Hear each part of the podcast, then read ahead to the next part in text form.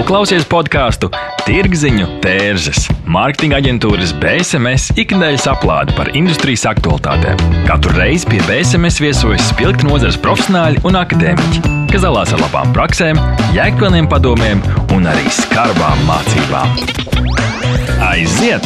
Šodien Tirziņu tērzes studijā Inta Buša un Denis Ševeļovs. Esat sveicināti mūsu 34. epizodē, un šodien mēs runāsim par darba laiku.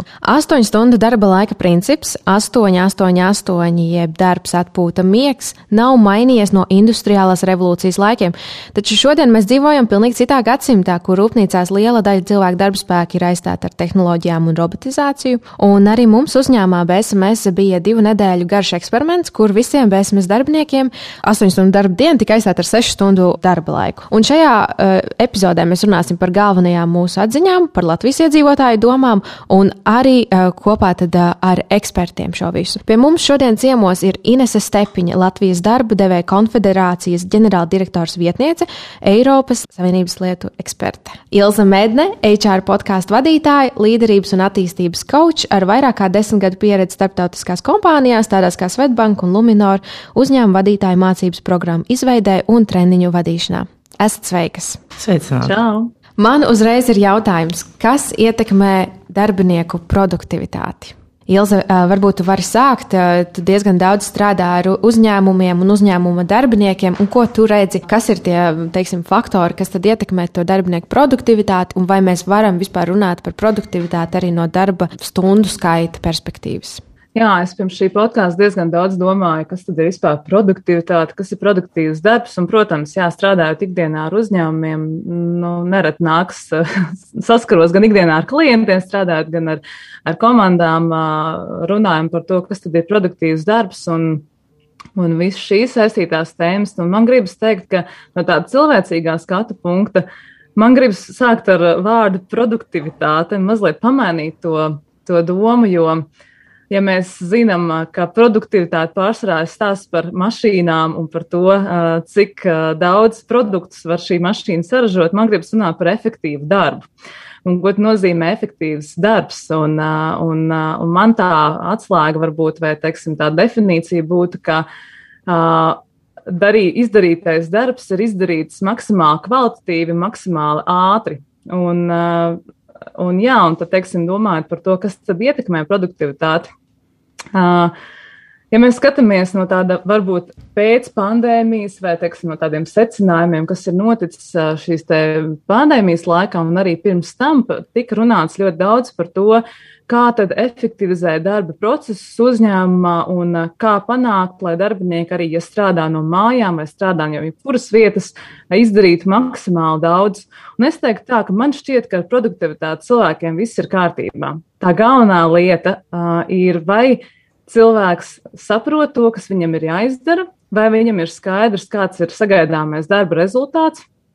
Un, manuprāt, kļūda ir tajā, ka netiek pietiekoši skaidri definēts cilvēkiem, kas tad ir jāizdara, kas ir jāsasniedz. Un tas nav nekāds pārsteigums, vai ka cilvēki darba laikā dodas pie ārsta, kārto savas privātās lietas, un, jo viņi vienkārši to nevar paspēt izdarīt darba laikā, jo darba laiks ir astoņas stundas, tā principā ir visa diena. Tāpēc um, es teiktu tā, ka tāda apmierinātība ar dzīvi, saprašana, kas tev ir jāsasniedz un ko no tevis sagaida, kā arī atgriezniskās saites sniegšana, tās ir lietas, kas ietekmē cilvēka produktivitāti. Jā, es ļoti daudz esmu lasījusi un arī podkāstos klausījusies gan Latvijas līmenī, gan starptautiski, ka viena no lietām, kas tieši ir aktualizējusies daļa Covid, ir šī izdegšana darbinieku, kura nevar nodalīt māja un darbs, un tieši prokrastinējot arī tā produktivitāte zūd. Kā Inesē jūs skatāties uz šo jautājumu? Jā, es teiktu, ka produktivitāte ietekmē ļoti daudz faktoru. Un, Kolēģi varbūt minēja tādus, nu, kā saka, uzņēmuma līmeņa faktors, kas ietekmē to, kā mēs strādājam, tieši tas arī ir veids, kā mēs to varam skatīties. Bet noteikti tas, cik mēs esam produktīvi, ietekmē arī daudz apstākļu, kas ir ārēji un varētu teikt, zināmā mērā, kas mū, no mums tieši nav atkarīgi, un, bet gala rezultātā mūs ietekmē. Nu, piemēram, ja mēs sakam to, ka produktivitāte tādā uzņēmuma līmenī nozīmē to, cik daudz ar kādu vērtību produkts vai pakalpojums es saražoju uzņēmumā kopumā, vai arī mans individuālais ieguldījums ir, tas noteikti nav, teiksim, mērāms pēc stundu skaita, kaut gan statistikā tas ir visbiežākais atskaites punkts, bet tā nav noteikti, teiksim, visa pilna faktoru kopums, kas ietekmē produktivitāti. Tas ir tāds iekšējais. Un iekšējā, protams, arī nozīmē to, ka kādā veidā tieši darbs ir organizēts, kā tiek uzstādīti šie mērķi vai nav, vai tad mūsu mērķis ir būt šajā darba vietā, ēkā astoņas stundas, vai tomēr izdarīt kaut ko konkrētu laikā un vietā. Un tāpēc šeit ir ļoti būtisks arī ārējo faktoru, nu, piemēram, cik daudz mēs laika veltam, teiksim, braucot uz šo darba vietu vai noteikto vietu, vai tam mūsdienās vairs ir nozīme. Un, nu, no tādas teiksim, darba organizācijas viedokļa ir uzņēmumos, kur tas ir nozīmīgi, ir organizācija, kur tas tomēr šī darba telpa, jeb ēka ir būtiski, bet kur uh, tomēr uh, nu, teiksim, tāda konkrēta atrašanās vietā un laikā vairs nav tik būtiska. Tātad šeit ir gan darba specifika profesijas noteikts, kur šīs produktivitātei tas ir būtisks, bet uh, ir tāds nozars, kur noteikti tas vairs nav tik būtiski. Un runāt par ārējiem faktoriem noteikti, ja mēs atskatāmies vai, vai skatāmies to, ka produktivitāte saistīta ar to vērtību, ko mēs radām, vai nu tas ir produkts vai pakalpojums, uh, tad uh, jautājums, vai mums arī ražojot šos produktus pakalpojumus, ir kur viņu sliktā. Tad viens no ārējiem faktoriem tas, vai ir kāds kurš ir gatavs pirkt vai nu Latvijā vai citur pasaulē to produktu un pakalpojumu, ko ir saražojuši. Tātad tas arī ietekmē šo produktivitāti kopumā un tās pa kādu cenu turklāt pirkt. Bet, ja pārējiem faktoriem noteikti arī tas, kāda ir vide Latvijā vai jebkurā citā valstī, kāda ir tiesība akti, kas nosaka to, kas ir normāls darba laiks vai kurš, teiksim, vairs nav normāls darba laiks, tas arī ietekmē to produktivitāti gala rezultātā. Jā, ļoti daudzi aspekti.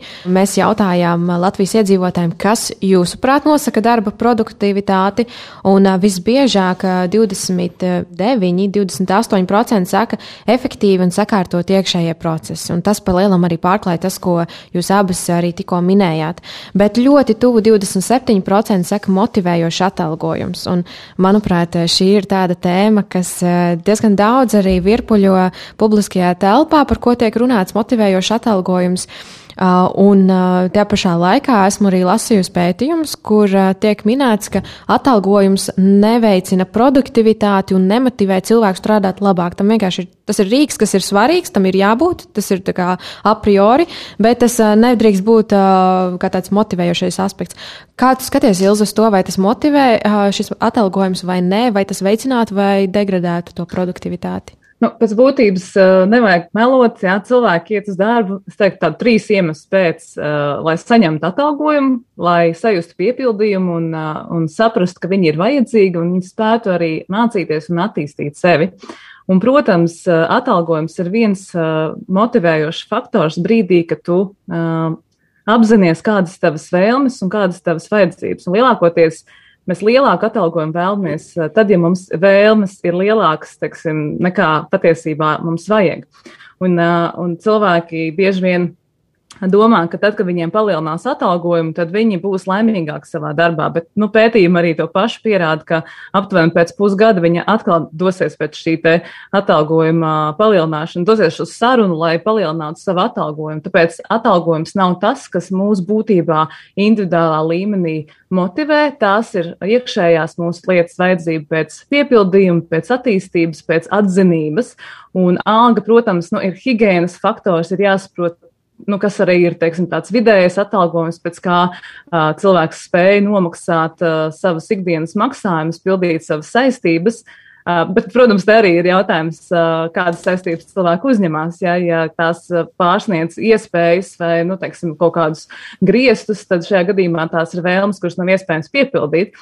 Bet, uh, teiksim, ja šis higiēnas faktors ir apmierināts, tad, tad pat, manuprāt, pētījums teica, ka vi, virs 1100, ja cilvēks saņem šo te, šo te atalgojumu, vai arī cipars, nu, tur jāpapēta, kas ir pētījumos rakstīts, kurā gadījumā ir šis skaitlis, kur cilvēks saņem, viņš jūtas apmierināts, un pēc tā uh, viņš vairs nedomā par atalgojumu, bet par savu piepildījumu. Un es teiktu, ka lielākā daļa cilvēku, ja mēs runājam šobrīd par tādiem uh, darba spēku, kurš strādā birojos, tādi balto apaklīšu profesiju pārstāvi, jo mēs arī nevaram runāt par šo te sešu stundu darbu laiku vai darbu no mājām par pilnīgi visām profesijām. Ja? Dažās vietās 9 līdz 5 ir ekskluzīvi un nepieciešami, bet, jā, ja mēs runājam par šīm tematu kategoriju, tad, tad tur šis atalgojums jau sen pārsniedz vai ir jau teiksim, tāds, ar kuru cilvēki ir apmierināti,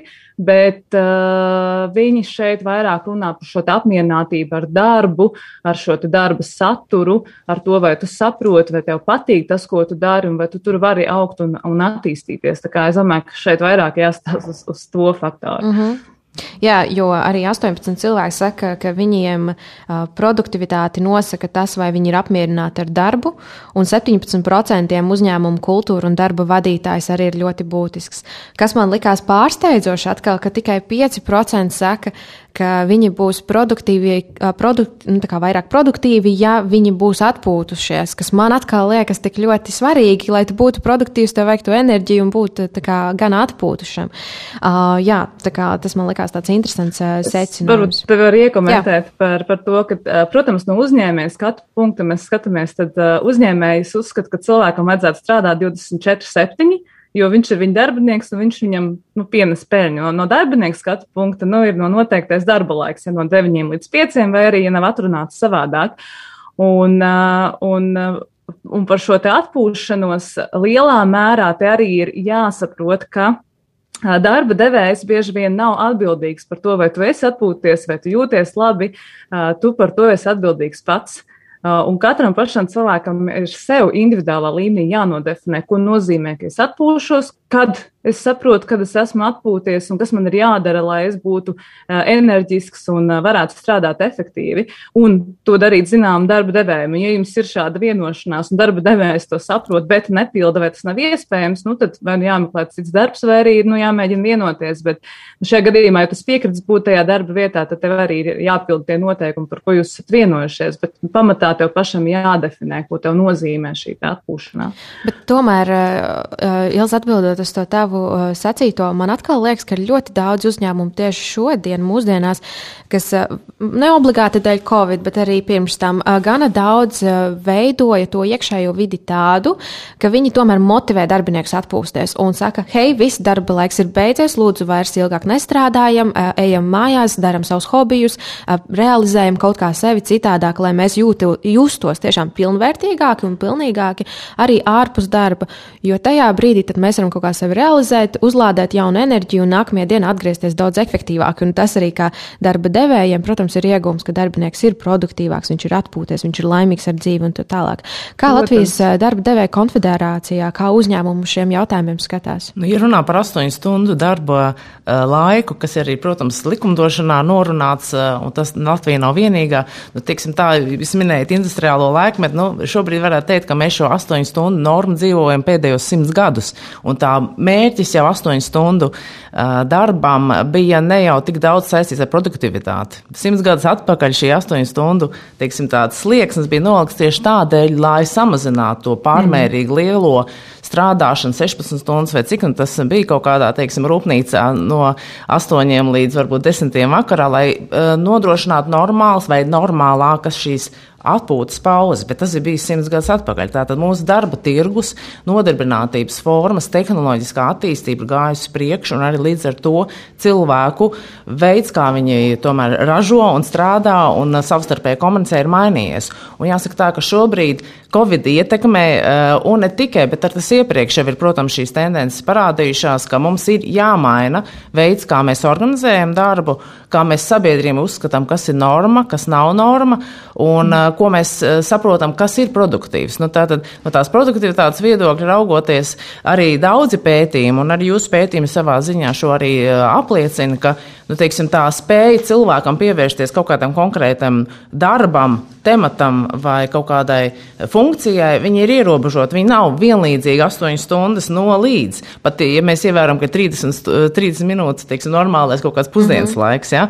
nu, tā tad šī dinamika spēja cilvēkam pievērsties vienai vai otrai uzdevumam, ir mainīgi. Un to arī, ko jūs minējāt, varbūt šie uzņēmumi, kas varbūt ir motivējuši cilvēkus, teiksim, ar iekšienē, kā saka, jā, nostrādājam, tagad daram kaut ko citu un nesēžam birojā varbūt, kā saka, visu savu atlikušo vakaru, bet ejam kaut ko darīt citu. Tieši tādu, domāju, motīvu vadīt, saprotot, ka cilvēka efektivitāte nu, saka, nepieaugs, atrodoties vienās telpās, varbūt bezgalīgi ilgu laiku. Tātad šī pielāgotība gan cilvēku prasmēm, gan cilvēku varbūt dzīves vajadzībām, gan arī uzņēmuma vajadzībām e, atšķirās. Un tātad šeit varbūt e, kolēģi teica, minēja to, ka ļoti būtiska saruna, nu tā ir pats e, atskaits punkts, šī darba organizācija, kādā veidā darbs tiek organizēts atbilstoši uzņēmuma vajadzībām, atbilstoši darbinieku vajadzībām, tas ir pats kodols jebkāda, jebkādai, teiksim, šai stāstam par produktivitāti, par darba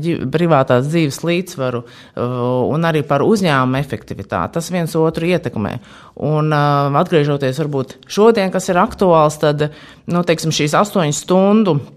Uh, atskaites punkts, tas jau teiksim, tāds noiets etaps, jo tas ir tas pieņēmums, ka mēs mēram produktivitāti pēc nosērāto stundu skaita, bet mums, kā saka, arī statistikai jāiet līdzi un arī varbūt likumdošanai vai tiesību aktiem jāiet līdzi, ka uh, produktivitāte jau nemēr pēc stundu skaita, bet pēc tā, kas ir saražots un cik vērtīgs tas ir, un cik attiecīgi kāds, kādam tas ir nepieciešams. Un, protams, ar kādu teiksim, ar kādām sekām mēs šo saražojam, vai pēc šo, šīs teiksim, produktīvā teiksim, pakalpojuma vai produktu saražošana, vai kas notiek ar šiem ražošanas resursiem, piemēram, pašiem svarīgākajiem cilvēku resursiem. Vai viņi ir veseli, vai viņi ir laimīgi, vai viņiem ir vajadzīgas tomēr kaut kādas fizioterapijas procedūras pēc ilgu un diktu un produktīvu smagām darba stundām vai kā savādāk. Tātad mēs kā sabiedrība esam saistīti, un tas ir acīm redzami, kā arī šobrīd šī savstarpējā saistība tiek uztverta kā ļoti liels, nozīmīgs faktors, kas ietekmē mūsu visus. Kādā veidā mēs organizējam darbu, kā mēs ražojam, kā mēs viens pret otru attiecamies, cik daudz varam veltīt laiku tam, kas mums patīk. Un kā viena no motivācijām, vai galvenā motivācija, ko es gribētu arī vēl akcentēt, ir arī tas, ka mana pārliecība, bet arī to šo pārliecības ar guvu nu, tādās sarunās, fokus grupas diskusijās ar mūsu uzņēmumiem Latvijā, kas tad motivē cilvēkus? Ka mo cilvēkus motivē jēgpilns darbs, vai tam, ko mēs darām, ir jēga un ir kāda pievienotā vērtība, vai mēs sevi spējam realizēt, vai mēs kaut ko labu spējam dot arī citiem cilvēkiem, citiem sabiedrības teiksim, tā, dalībniekiem. Tātad šī jēgpilnība ir arī atskaites punkts. Un, protams, tas ir iespējams arī tad pie tiem apstākļiem, ja cilvēki par to darbu, ko, ko saņem, kas, ko, ko veids, viņi saņem, teiksim, to minimālo, kas varbūt atbilst kaut kādu ikdienas vajadzību sniegšanai vai sasniegšanai, un, un tad tikai varbūt var par augstākām, teiksim, vērtībām domāt, bet šī jēgpilnība ir ļoti tāds, man liekas, ka būtisks, arī kas jāņem vērā, ka cilvēki uz darbu nenāk, lai viņi atsēdētu. Mm. Astoņas stundas viņi nāk uz darbu, lai kaut ko labu padarītu. Un, ja nu, teiksim, darba devēja uzdevums arī ir radīt šo vidi, lai cilvēki spētu šo savu jēgpilnību arī īstenot uzņēmumā. Nevis vienkārši sēdēt no 8 līdz 8, vai, vai vienalga no 24 stundas, varbūt kaut kāda maiņa darbā. Tad vai tas, ko es izdaru šajā darba vietā, ir, kā saka, ir guvis kādus labus, pozitīvus rezultātus? Es varu vēl šeit pieminēt, eh, ka mēs šobrīd runājam par 40 eh, stundu darba nedēļu, bet eh, tādas mm, individuālās sarunas ar uzņēmumiem un arī teiksim, pētījumi, kas ir veikti, ja parāda, ka cilvēks strādā 50 un 60 stundas, un uh, patiesībā liela daļa cilvēku strādā daudz vairāk nekā tas ir nolikts uh, normāli, nu, ja mēs mēram pēc uh, stundu skaita. Un kāpēc? Tāpēc, ka ir vai nu ne, nesamērīgas prasības, vai arī nav skaidrs šīs prasības, nav šīs prasības sniegt atgrieznisko saiti.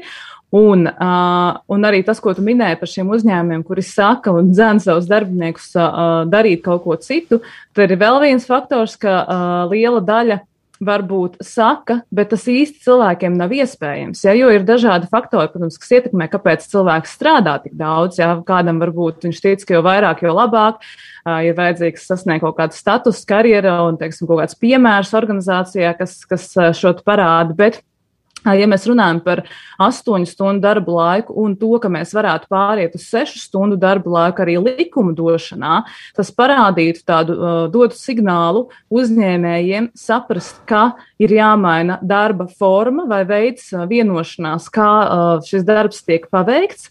Un tas parādītu to, ka cilvēkiem ir iespējams izdarīt uh, sagaidāmo darbu rezultātu sešās stundās, un mēs runātu par, uh, par laika menedžmentu, par savu, sevis disciplinēšanas lietām, par, par personīgo līderību, šādām tēmām, un, uh, un, un tas parādītu, ka cilvēkiem patiesībā ir iespējams izdarīt sešās stundās nevis strādāt mazāk un saņemt par to mazāk, bet izdarīt efektīvāk, mazākā stundu skaitā un iegūt ļoti daudz iegūmus. Ja tur būtu fokus, dzīves darba balans, iespējas sakārtot savas privātās lietas, apmierināt cilvēkus, atpūtušos un, un arī mazāku darbinieku mainību. Tā kā tie ir nu, vairākas lietas, ko tu no tā iegūsi, bet tam būtu jābūt uh, likumdošanā atrunātam, nu, tam būtu jābūt uh, tā, uz ko atsaukties uzņēmējiem, lai viņi varētu teikt, jā, pamatoti, rekur, mums tagad būs sešu stundu uh, darba diena. Okay. Uh, par šo mēs varam ļoti daudz runāt, uh, un mēs Protams. esam arī pajautājuši mūsu respondents, uh, vai viņu darba vietas regulāri tiek pārskaitīti iekšēji produktivitātes faktori. Par šo mēs arī noskaidrosim pēc īsas pauzes. Neatbildami jautājumi, sarežģīti lēmumi. Sazinies ar Norstat. Mēs palīdzēsim. Norstat. Tas ir draudzīgs servis, innovatīvi risinājumi un kvalitatīvi dati, lai tu varētu pieņemt veiksmīgus, datos balstītus lēmumus. Pievienojies vairāk nekā simts Latvijas uzņēmumiem, kas uzticas vadošajam datu risinājumu nodrošinātājam Ziemeļeiropā. Mūsu mērķis ir atvieglot tavu dzīvi un ļaut pieņemt pareizus lēmumus. Norstat - vērtīgi dati svarīgiem lēmumiem. www.norstat LV Ok, tagad uh, jautājums izskanēja šādi. Vai jūsu darba vieta regulāri tiek pārskaitīti iekšējas produktivitātes faktori, lai pilnveidētu ikdienas procesu? 24% respondenti teica, ka jā, uh, 40% atbildēja nē, un 36% atbildēja, ka grūti pateikt. Un tad mēs Šodien daudz runājam par to, ka it kā vajadzētu būt likumdošanai. Mēs uh, secinājām, ka tās astoņu, darba, uh, astoņu stundu darba diena ir uh, visdrīzāk ir uh, ārotbiedrību un politiku darbs, kuri mēģināja pārstāvēt, aizstāvēt darba spēku, lai viņi netiktu eksploatēti. Un tad kaut kāda veida uh, pirms simts gadiem uh, izcinējām šo re regulētu darba slodzi 40 stundas. Uh, nedēļa. Un tad mēs šodien runājam par KPI, es, es gribam saprast, kā to izdarīt. Varbūt, bet šeit tas moments ir, ja laiku mēs varam objektīvi nomērīt, kā ir astoņas darba stundas. Bet kā mēs varam pateikt par produktivitāti? Un tad kā mēs varēsim, kā darba devējs var sevi aizstāvēt un kā darba darītājs. Viņš darba darītājs var teikt, ja esmu strādājis produktīvi, man sanāca šādi, šādi. Kaut kāds priekšnieks teikt, nē, nav izpildīts tas un tas. Jā, šis ir interesants jautājums, jo es tieši tagad skatos, ka um, 35% Mm, Latvijas iedzīvotāji saka, ka viņi prāt, viņi pavada produktīvi 5 līdz 6 stundas. Tātad viņiem ir kaut kāds tas kritērijs, kas pasaka, nu, manuprāt, es strādāju produktīvi šādi, un tas ir tik un tik stundas. Un, uh, tad mums ir arī 17% saka, ka viņi produktīvi strādā tikai 3 līdz 4 stundas, un 24% saka 7 līdz 8 stundas. Bet tas jautājums, jā, kurā brīdī tas ir produktīvi un, un kā mēs varam vienoties arī par jā. tādiem konkrētiem īpaši runājot, ja tas būs aprakstīts uh, likumdošanā.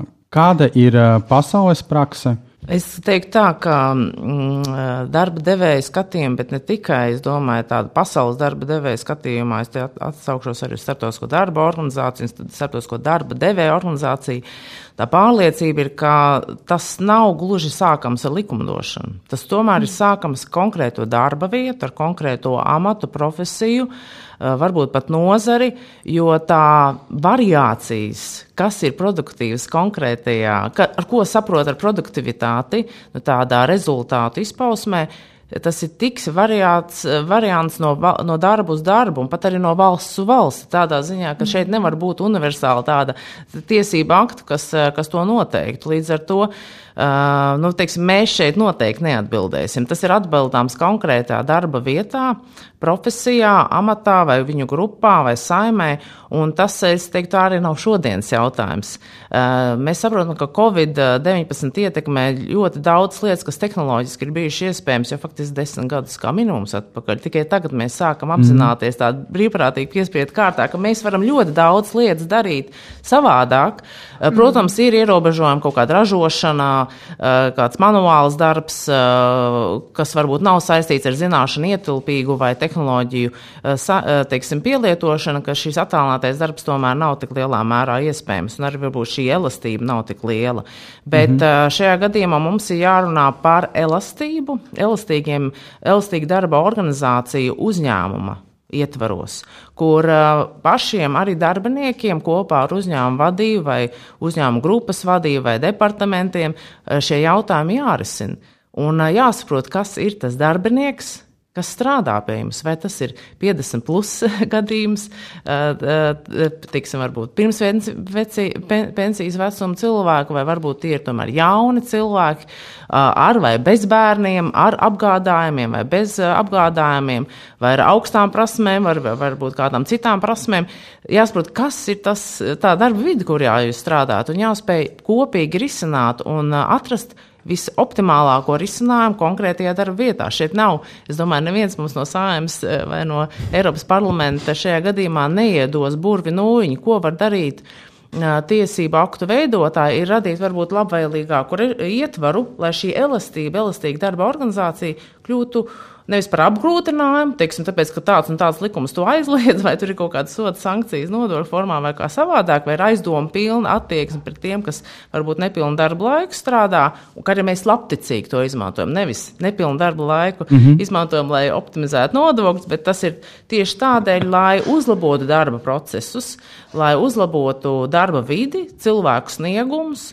Un, es domāju, ka tā ir atslēgas vārds ir elastīgums konkrētajā darba vietā. Ines, es no jums sapratu, ka tā ir ne tikai darba devēja atbildība, bet arī darba ņēmēja atbildība. Jā, es tāpēc runāju par šo sarunu, par sadarbību uzņēmumu līmeni un savstarpēju uz, izpra, izpratni un uzticību. Man liekas, ka arī Latvijā varbūt īpaši mums jāstrādā pie uzticības veidošanas visos sabiedrības slāņos. Mēs te daudz runājam par to, ka arī sabiedriskās aptaujas uzrāda ļoti zemu uzticību, teiksim, politiskajai teiksim, institūcijām, bet es domāju, šī uzticēšanās vienam otram ar sabiedrības mm. līmenī ir attīstāma. Un tajās valstīs, un te ir gan Skandināvijas valsts, eh, varbūt vispopulārākās, bet ne tikai arī citās valstīs, eh, Eiropas un arī varbūt teiksim, tādās, kas ir tāpat Kanāda vai, vai Amerikas Savienotās valsts vai, vai Jaunzēlanda, Austrālija, arī šī uzticēšanās eh, savstarpēji, viņi ir kā sociālais kapitāls, kas ir jātīst. Un tikai tad, ja mēs viens otram uzticamies un saprotam, jā, mēs esam šeit, lai darītu labāku vidi, nevis lai viens otru, kā saka, apmānītu, mm. ja tās nav, tad ir ļoti grūti jautājums risināt. Tad mēs tiecamies un mēģinām varbūt iet pie likuma devēja, kas varbūt tā kā māma un tēcis mums pastāstīs, kā mums pusauģiem labi dzīvot. Jā, ļoti laba atziņa tiešām. iesaku pilnvarot sevi un uh, tiešām runāt ar savu darba devēju. Un, ja jums uh, arī ir priekšlikumi, kā var uzlabot darba vidi, tad uh, dariet šo. Jā, un uh, man liekas, tiešām tas svarīgs uh, secinājums šeit ir, ka tam nav jābūt tikai no darba vadītāja jānāk, bet tas var nākt arī no darbiniekiem. Mums uh, uzņēmumā, man ir kā uzņēmuma vadītāji ļoti svarīgi, lai darbinieki ir produktīvi, un tas ir tas atkal tāds jautājums, ko mēs šeit runājam, ka kurā brīdī tas ir nav produktīvi, jo tajā brīdī, kad tu kaut ko fasē dari, dari fizisku darbu, tu vari izmērīt, cik tu gabalus izdari vai vēl kaut ko. Bet uh, tajā brīdī, kad tas jau ir intelektuāls darbs, iespējams, darbs, kurā tu domā kādas radošas idejas un tā tālāk, uh, tas jau ir principā neizdarāms. Un, uh, un to arī droši vien, ka nemaz varbūt nevajag tādā konceptā skatīties. Mēs jautājam. Tūlīt, Ilze, došu tev vārdu. Mēs jautājām Latvijā, Latvijas sabiedrībai, vai jūsu darba vietā regulāri tiek pārskatīti iekšējās produktivitātes faktori, lai pilnveidot ikdienas procesus. Un, jā, tad, kā jau Denis arī teica, 40% saka nē. Un man tas liekas diezgan nu, sarkanais karoks, jo, ja 40% Latvijas uzņēmumu šie faktori netiek darīti, vai varbūt viņi tiek, bet darbinieki nejūtās, ka tas tiek darīts, tad tā ir arī tas jautājums par to uzticību un par to feedback ko arī par ko tu Ilze diezgan daudz runāji. Un iesaisti. Jā. Jā, es noteikti gribu pievienoties, kamēr es neaizmirstu to domu, ja vairākas domas galvā stāv Inesē par to uzticēšanos, kas jau ir izskanējusi ļoti daudz. Tad, kad tika sākts runāt par darbu no mājām un, un, un vispār šo attālināto iespēju strādāt, šī uzticēšanās ļoti daudz kur spēlē tieši līderības kontekstā. Vadītāji nespēja uzticēties saviem darbiniekiem. Nu jā, tad jautājums arī par tavu personīgo spēju vispār uzticēties, bet es nedomāju, ka mēs kā pieauguši cilvēki nākam uz darbu, lai kaut ko nedarītu, vai lai šmauktos, vai, nu, teiksim, gulētu darbā. Kaut gan ir pietiekoši daudz cilvēku, kurš šobrīd vienkārši sēž darbā un skrolē uh, sociālos tīklus, tāpēc, ka viņiem ir tas laiks, nu, lai atpūstos. Viņiem ir nepieciešams nedaudz, uh, nu, tā teikt, atbrīvot, atbrīvot smadzenes, mazliet paslinkot, tāpēc, ka nav iespējams strādāt astoņas stundas no vietas kā konvejerim. Tāpēc es pašā sākumā arī teicu par šo te produktu un par efektīvu darbu. Un, un šajā gadījumā tieši šie cilvēki, viņi Tie, kur, tie, kur atbildēja, kuri strādā efektīvi 5 līdz 6 stundas, tas arī ir nu, tāds iespējamais darba laiks, ko, ko oficiālā sēžot var izdarīt. Tāpēc Un tas, ko es gribēju minēt par šo likumdošanu, es teiktu tā, ka jā, iespējams, tā ir tāda māmas tēta meklēšana, taču šajā gadījumā Jā, mēs zinām, vairākas valstis, ja Somija, Jaunzēlanda, Dānija, Zviedrija, kur, protams, ir daži uzņēmumi, kas ir veikuši šīs te uh, sešu stundu testēšanu vai šo te elastīgā darba testēšanu jau, jau pirms Covid. Tad Somija un Jaunzēlanda šī ziņa nāca no premjerministra. Tāpēc es teiktu tā, ka arī šī autor, autoritāte un valsts, kurā šī autoritāte ir uh, vairāk nozīmīga, es domāju, ka tam būtu jānāk varbūt no tāda vadības vai no, no, no teiksim, kā likumdošana. Tāpēc, protams, es uzskatu, ka nebūs tā, ka izdos likumu un teiks, mums tagad būs jāstrādā 6 stundu darba laiks un, un visi pārējais 6 stundu darba laika. Jā, tam jānāk no, no darba devējiem, no tās vajadzības, no uh, reāliem gadījumiem, kur mēs kā darba, darba devēji saprotam, ka jā, šis strādā, šis maniem darbiniekiem der, un mums lūdzu vajadzētu mainīt likumdošanu, lai mēs varētu atsaukties uz to. Tad, teiksim, šajā gadījumā, jā, tam būtu jānāk no darba, no uzņēmējiem, bet uh, to nevar aizmirst arī politika un, uh, un uh, likumdevēji, kuri, nu, teiksim, strādā pie šīm izmaiņām. Tagad tas ir jāņem vērā. Mm. Mums, kā jau es minēju, pašā sākumā uzņēmumā bija divu nedēļu eksperiments, kur mēs mainījām no 8 uz 6 stundām, un gribēju nedaudz īsumā padalīties ar tām atsauksmēm, ko darbinieki minēja. Viens, ko es ievēroju, ir tas, ka teica, ka tas bija kā tāds papildus motivators vai nu, piespiedu brīvprātīgā kārtā, ka bija jāpārskata, kā pats cilvēks individuālajā līmenī organizē savu darbu. Kā viņš viņu plāno, kādas vai nu aplikācijas izmanto, vai kalendārus plānotājus, vai kādus rīkus, kas katram ir efektīvi un ērti. Neatkarīgi no tā, tad tas tikai pārskatīts, kā to var uzlabot. Un, manuprāt, tas ir ļoti svarīgs aspekts. Uh, otrs bija tas, ka uh, bija tāda lielāka iespēja fokusēties un nokoncentrēties, jo tu zini, ka tev tas darbs ir jāizdara. Nav tik daudz svarīgi, cik stundās uh, tu to izdari, bet tev viņš ir jāizdara, un tad tu meklē veidus, kā to izdarīt iespējams efektīvāk. Varbūt iesaisti kolēģus, kuriem tā ir specifika, un viņi to var izdarīt ātrā, ātrāk un ērtāk, un tā ir viņa tā kā, stiprā puse, kamēr tā ir varbūt tā vājā, kas attiecīgi arī jau tādā komandas līmenī veido tādu labāku mikroklimatu, ļauj vairāk sadarboties sadarboties un viens otram meklēt tās savas, viens otras stiprās puses. Un, jā, un bija arī komentārs tāds, ka jau otrajā nedēļā, pēdējās darba dienās, bija tāds, ka ir tās sešas stundas uh, kā, pagājušas, es jūtos labi, es esmu visu izdarījis, un tagad mums, jau, mums jau ir otrā nedēļa, manuprāt, ka mēs esam atpakaļ uz astoņu stundu darba laiku. Un uh, kāds kolēģis man teica, ir tāda dīvaina sajūta, es, ir pagājušas tās sešas stundas, man astoņu stundu darba laikā, un es domāju, bet es tā kā visu esmu izdarījis, es jūtos labi, es jūtos, ka viss ir tā kā es varētu iet mājās. Un, manuprāt, man kā uzņēmuma vadītājai tas ir tāds nu, signāls, ka šis ir jautājums, kas tiešām ir aktuāls. Šeit mēs nerunājam par tik daudz par tām stundām, bet tas rāmis tomēr iedod to. Un uh, tas, ka darbiniekiem ir vairāk laika, lai sevi realizētu, lai nodarbotos ar saviem hobijiem, pilnveidot sevi, atpūstos un uzlādētos nākamajai dienai, tas ir, manuprāt, ļoti, ļoti svarīgi. Kā jūs teiktu, uh, Inese un Ilze, vai Latvijā sešu stundu darba laiks ir kaut kāda nākotnes realitāte arī uzņēmumos? Es domāju, ka ir uzņēmumi, kuri to varētu darīt jau tagad. Jā, lielie, lielie uzņēmumi, kuri strādā pēc pasaules prakses, nu, protams, skandināvu uzņēmumi, kuriem jau ir tāda pieredze un iestrādnes. Es domāju, ka noteikti, jo elastīgāks šis uzņēmums, elastīgāk skatās savu darb, darbinieku darba laiku un ir sakārtot šie iekšējie procesi, arī nu, tehnoloģijas un, un arī šie procesi tādā ziņā, ka ir skaidrs, kā tiks mērīts šis darba rezultāts, un darbiniekiem ir skaidrs, kā viņi saņems atgrieznisko saiti, noteikti tas ir, tas ir uh, iespējams. Un, un te es gribu minēt, ka ir tāds labs teiciens, ja tu gribi, lai tev tā darbs tiktu izdarīts, dod to uh, visaizņemtākajam cilvēkam. Un uh, te ir stāsts par to, ka mēs uh, izdarām darbu tajā laikā, cik mēs tam atvēlam, un uh, Te nav stāsts arī par to, ka, ja mums būs sešu stundu darba laiks, mēs strādāsim mazāk, mēs vienkārši strādāsim efektīvāk. Un tas, ko tu Interī teici, ka pēc sešām stundām ir sajūta, ka viss ir izdarīts, ir labi. Tāpēc ir jāiet mājās un ir jāatpūšas. Jā. Nākamā dienā atkal jānāk strādāt. Bet jā, es domāju, ka mums ir labas iestrādes un uh, mēs noteikti ejam tajā virzienā.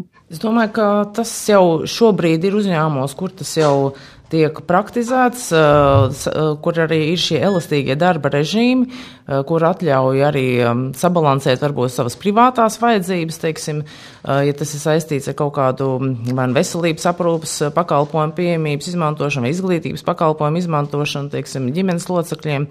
Um, un, um, man liekas, tas ir, mēs varbūt šobrīd runājam, varbūt no tādām vairāk no tādām, kā saka, balto apaklīšu pozīcijām, no tāda intelektuālā darba veicēja, bet arī ņemot vērā to, ka tomēr Latvijā ir ļoti daudz arī šie darba vietā nelaimes gadījumi salīdzinoši uz Eiropas līmeņa. Mēs esam izceļamies ar mm. augsto statistiku, mm. kas liecina ne jau par to varbūt vienmēr, ka šie darba apstākļi ir slikti vai ka cilvēki ir, kā saka, neprasmīgi, bet uh, acīm redzot, darba organizācijas jautājumi, kaut kāda darba organizācijas aspekti noved arī pie šiem negadījumiem, kas arī mēdz būt lekāli, letāli darba vietā. Tātad līdz ar to varbūt tā viena no pie, pieejām ir tāda, ka jā, mums visvieglāk šo elastīgo darba režīmu un samazināto darba laiku, um, nu, teiksim, ieviest tādos zināšanu ietilpīgos uzņēmumos, IT vai kaut kādos finanšu pakalpojumos, bet varbūt tā vajadzība pat ir arī tikpat ekvivalenti liela tādos ar manuālu, ar roku darbu, ar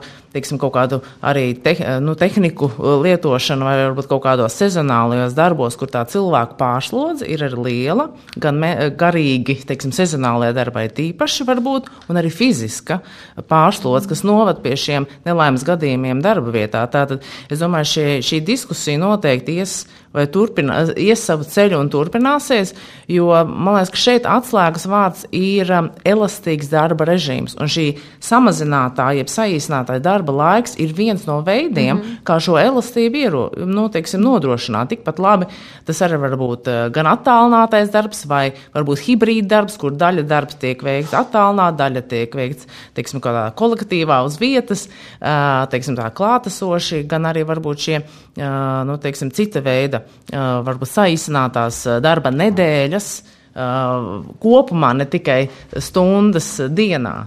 Tas. Tas ir jautājums par darba organizāciju, par kultūru un atbilstošu arī procesu vadību, atbilstošu uzņēmumu specifikai un arī respektējot to, ka cilvēki ir dažādi. Un arī mums jau ir svarīgi, lai cilvēki pēc paveiktā darba tomēr būtu gan veseli, gan, gan fiziski, gan emocionāli, gan arī viņiem būtu spēja sevi pilnveidot, pašrealizēties un arī varbūt apgūt kādas jaunas prasmes, uh, kas ir nepieciešamas uzņēmumā vai personīgai izaugsmē.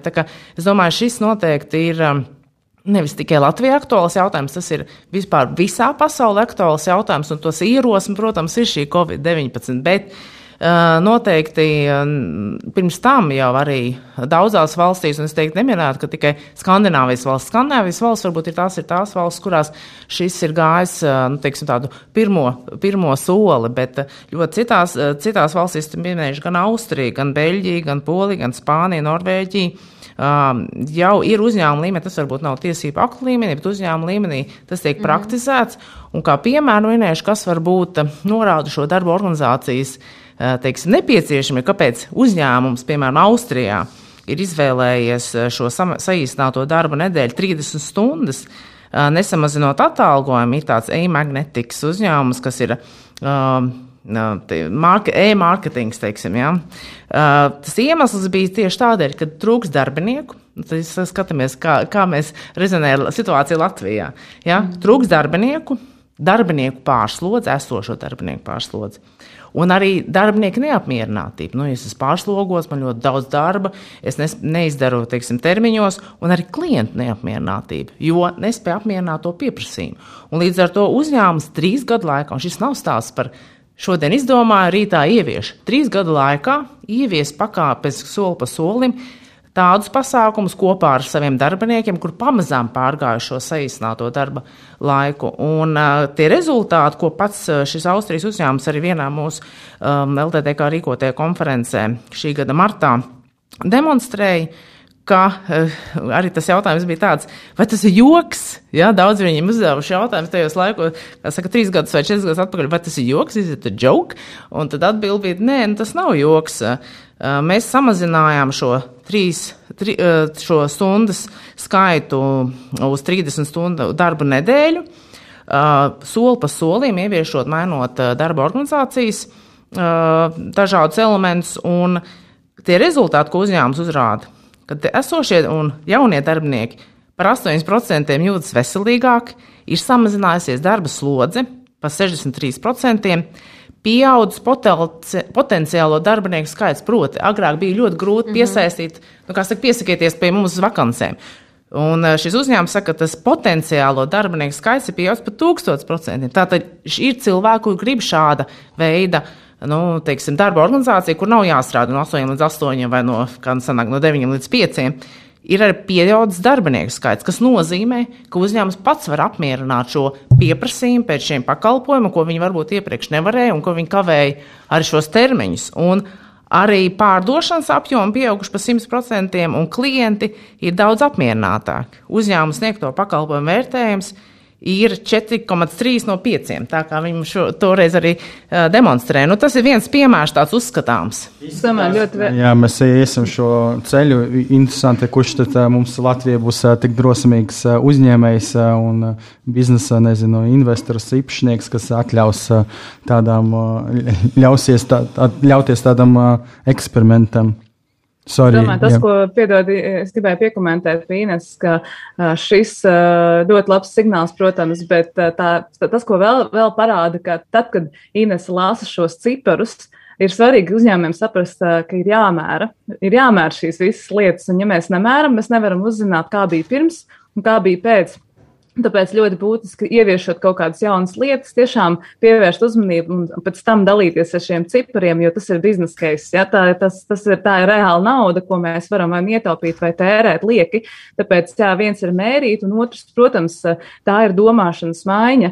Mēs šobrīd sabiedrībā bieži vien varbūt parunājot par to, ka mums vakarā mēs varam brīvi no darba doties mājās, nezinu, četros vai piecos, vai uh, mēs varam elastīgi strādāt. Bieži vien ir tāda, nu, nu, tāds tā kā, jautājums, no, ko tu, tu dari, ar ko tu, tu nodarbojies, ka tev ir tik daudz brīva laika un cilvēki jūtas nērti, ka viņi dodas mājās četros vai piecos. Un, un tā ir domāšanas māja, tas, kas mums ir nepieciešams. Bet par to ir jārunā, ir jādalās ar šiem veiksmes stāstiem, ir jāsauc cipari, nu, kas ir, nebūtis, ir ļoti būtiski šajā, šajā sakarā. Tāpēc mēs arī esam šeit šodien. mm, Jā, lēnām jau finišējot mūsu epizodi, vēlos jums jautāt jautāt, kādi būtu tie jūsu ieteikumi mūsu klausītājiem, lai jau šodien darba diena būtu produktīvāka? Varbūt tās ir kādas mazas lietas, varbūt tas ir ieteikums uzreiz uzņēmuma vadītājam, pašam varbūt darbiniekam, ko sākt ar savu ikdienu. Ilze? Es reiz varu jā, pateikt kaut kādas lietas, kas ir individuālā līmenī un arī strādājot ar klientiem ikdienā, bet arī pati esot kā māma, kura strādā. Patiesībā arī šī Šis te termins mikroproduktivitāte ir nākusi no vienas no Microsoft darbiniecēm, kur arī bija māma un mājās strādāja ar maziem bērniem, un kas pārauga par tādu riktīgu aktivitāti, kā uh, cilvēki var būt produktīvi īsus laika sprīžus savas dienas laikā. Un te ir jautājums, ko tu vienas stundas laikā vari izdarīt, un, un kā tā tava stunda ir sadalīta, vai tas laiks, kurā tu spēj izdarīt lietas, kā viņi ir sadalīti. Bet, uh, Visnotaļ tie ieteikumi no manas puses ir plānot savu laiku, likt kalendārā darāmos darbus, likt kalendārā arī pusdienas, ik pa vienām, divām stundām, desmit minūtes repastiem, defork sesijas, ka tu pilnībā esi fokusēts darba, darbam, kas tev ir jāizdara, ka tevi neviens netraucē, tu pats sevi netraucē un nedodies uz sociālajiem tīkliem. Pastaigājies, ir iekārtota darba vieta, vai arī vieta ir oficiālā, kurā tu jūties ērti, vai tev ir ūdens uz galda, teja, termosā, lai tev nav visu laiku jāvazājās apkārt un jāvarina leduskapis, ja tas ir nu, tipiski prokrastinācija. Un uh, plānot zvanus ārā, sapulces kājās stāvot, nu, lai būtu tāda, tāda efektivitāte, bet no nu, tāda uzņēmēja viedokļa noteikti tās ir lietas, par ko mēs runājam, ja skatīties elastīgi uz to, ko es sagaidu no sava darba, darba nieka, kas ir tas rezultāts, ko es gribu, lai viņš sasniedz, neskatīties uz šo te nelikt viņu šajā presence prison, ka tev ir obligāti jābūt pie datora, ka tu strādā, bet uh, tu vari sasniegt šo rezultātu uh, vienalga no kurienes, un uh, jā, ļaut cilvēkiem pašiem plānot savu laiku un apzināties, ka tavi darbinieki ir pieauguši cilvēki. Nu, tas varbūt no manas puses. Jā, noteikti uzticēšanās sev un, un citiem. Iespējams, ir viens no atslēgu vārdiem, bet droši vien nav viena, viena recepte, kas varētu būt uh, atbildi, lai katrs no mums būtu produktīvs. Nu, es kā pirmo liku droši vien tādu atbildi, kas saistīts ar to jēgpilnību, vai tas darbs, kas man patīk, vai ko es daru, man patīk, un es saprotu, kāda jēga no tā. Un vai, vai tiešām man tur jābūt, kā saka, no līdzi un, un jāuzraksta kaut kādas vēstules vai, nezinu, jāizgriež kaut kādas, teiksim, karotes, bet, nu, tad jautājums, kāda nozīme tam? Vai es kādam labāku dzīves padarīšu, vai es esmu nopelnījis naudu, vai tas produkts ir arī pārdots ar, par labu, teiksim, vērtību. Tātad, es domāju, šī jēgpilnība un, un darbs, kurš patīk. Un, tas, un tad pārējais no tā izrietošais ir saprast, kā es varu aizvien vairāk piepildīt to savu dzīvi un arī to darbu, ko es daru par jēgpilnu un produktīvu darbu. Paldies mūsu klausītājiem, paldies mūsu viesiem. Ar mums šodien kopā bija Inese Stepiņa, Latvijas darba devēja konfederācijas ģenerāldirektors vietniece, Eiropas Savienības lietu eksperte, kā arī Ilza Medne, HR podkāstu vadītāja, līderības un attīstības kočs. Paldies! Paldies jums un paldies. lai mums izdodas! Paldies. Paldies, ka klausījāties BSMS podkāstu Tirziņu tērzes. Aplādi ar labām praktiskām, jēgpilniem padomiem un skarbām mācībām. Patika epizode? Dalies sociālajos medijos, ir idejas tēmām vai viesiem? Raksti mums! Tās bija Tirziņu tērzes. Tiekamies nākamnedēļ!